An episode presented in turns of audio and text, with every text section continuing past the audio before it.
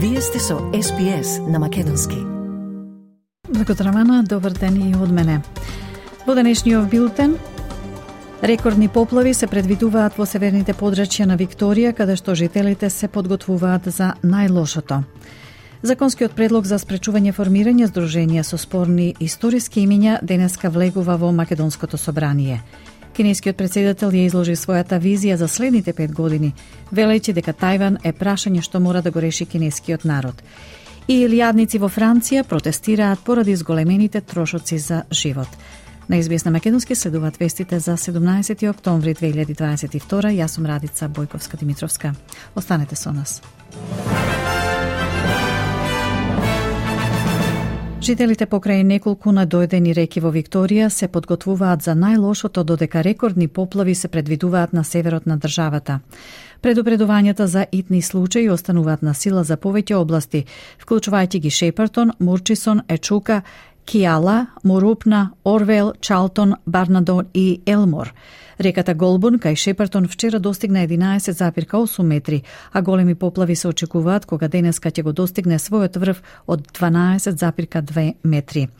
Бирото за метеорологија вели дека тоа е повисоко од нивото од 1974 година, кога достигна 12,09 метри. Речиси 250 лица погодени од поплавите во Викторија ќе можат да пристапат до итно сместување во Мелбурн. Поранешниот карантински центар во Миклихам во близина на аеродромот во Мелбурн ќе биде достапен за сместување на луѓето од утре 18 октомври. Премиерот на Викторија Денил Ендрус вели дека луѓето кои ќе го користат центарот ќе добиваат три оброци на ден, како и подршка за нивното физичко и ментално здравје, бидејќи не ќе можат да се вратат во нивните домови извесен период додека се расчистуваат и да се оспособат повторно за живење. There's still going to be water in these communities and houses that are just not inhabitable for extended periods of time. So for some people, the notion of coming to Mickleham, being well cared for, being able to focus on your well-being while the clean-up happens, while waters recede, passage of time is going to be really important with this, particularly as we see more and more rain. Сојузниот благаник Джим Чалмерс вели австралиците треба да се подготват дека неодамнешните поплави и други природни непогоди ќе извршат дополнителен притисок врз трошоците за живот. Говорејќи од повраќањето од состанокот во Вашингтон Диси, господин Чалмерс рече дека светот се стеснува кон економски цитат поопасен пат.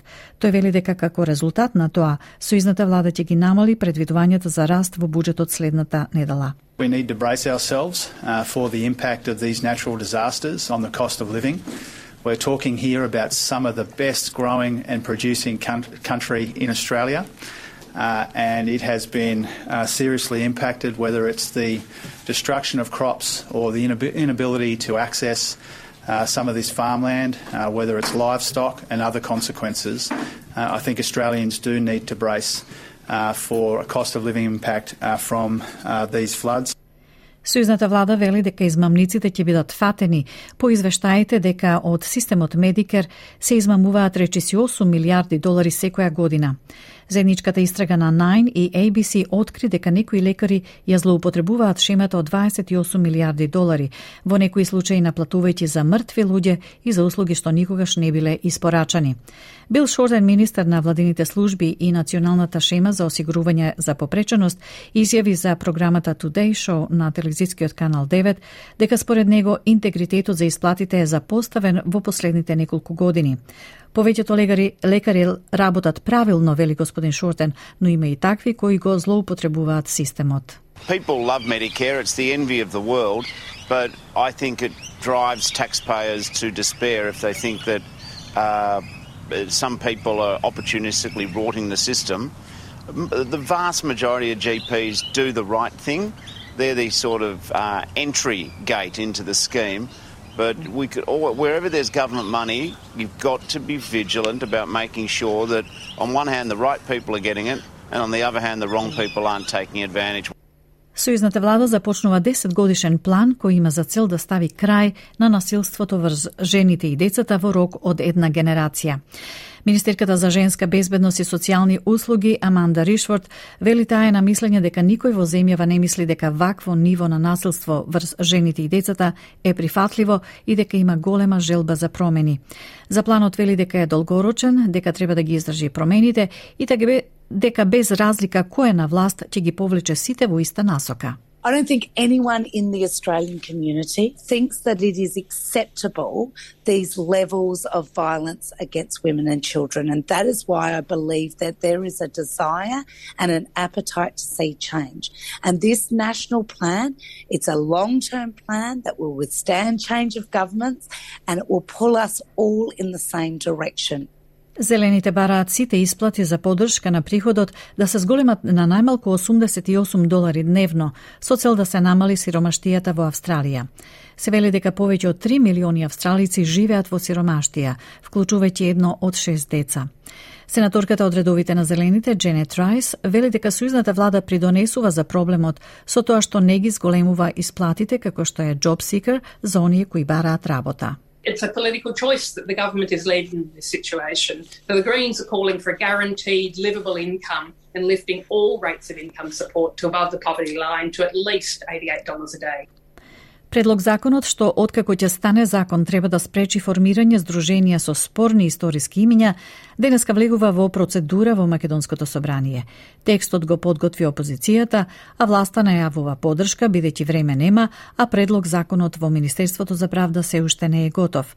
Лидерот на опозицијската ВМРО ДПМН Христијан Мицкоски вели дека и опозицијата е подготвена да прифати одредени забелешки на власта во однос на подобрување на ова законско решение, со цел да се спречи формирање здруженија, што, како што вели, го понижуваат и асимилираат македонскиот народ. Подготвили сме да разговараме, но суштината е да не ни се случува тоа што денеска ни се случува. Тоа е да се да се формираат здруженија кои што се со една цела, тоа е асимилација и промоција на фашизмот и нацизмот кој што македонскиот народ заедно со останатите граѓани во Македонија за време на Втората светска војна го порази.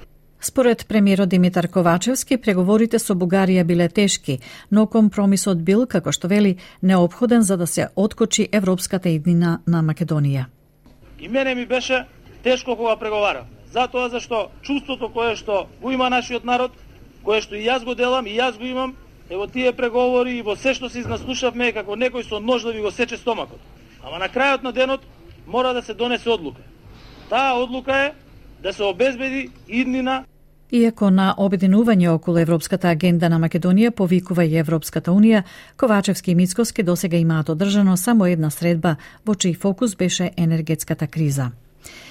На 20-тиот национален конгрес на Кинеската комунистичка партија, кинескиот председател Ши Жинпинг рече дека земјата нема планови да се откаже од политиката за COVID-0.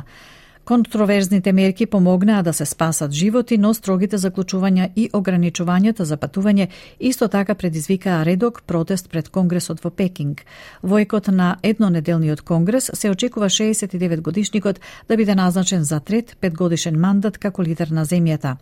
Тајван исто така беше клучна тема, за која господин Ши вели дека е прашање што мора да го реши кинескиот народ, но рече дека земјата нема да се откаже од употребата на сила како опција.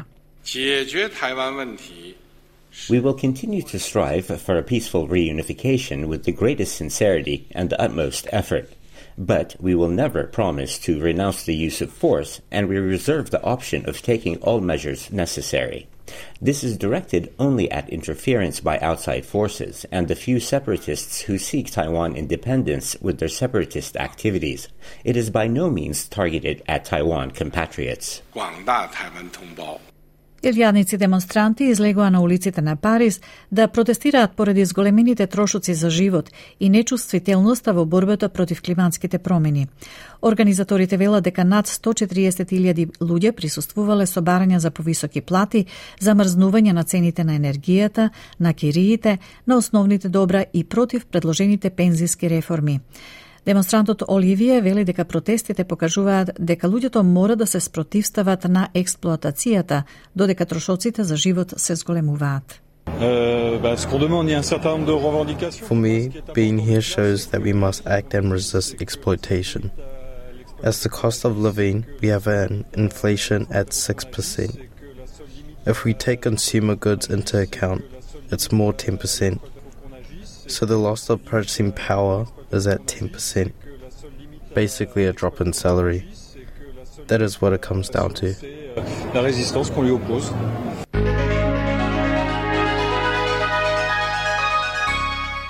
Од најновата курсна листа, денеска еден австралиски долар се менува за 0,63 евра, 0,61 американски долар и 38,69 македонски денари, додека еден американски долар се менува за 62,41 македонски денар, а едно евро за 60,66 македонски денари. Нако со и временската прогноза за главните градови за утре вторник 18 октомври. Перт сончево максималната ке стаса до 25 степен, Аделаид делумно облачно 23, Мелбун претежно сончево 21, Хобарт делумно облачно 19, Облачно за Камбера 20, Сиднеј краткотрени и слаби врнежи 22, слични за Брисбен со нешто повисока температура, максималната ке стаса до 25, Дарвин слаб повремен дожди можна бура 33 и Али Спрингс слаби краткотрени врнежи предпладне максимална 31.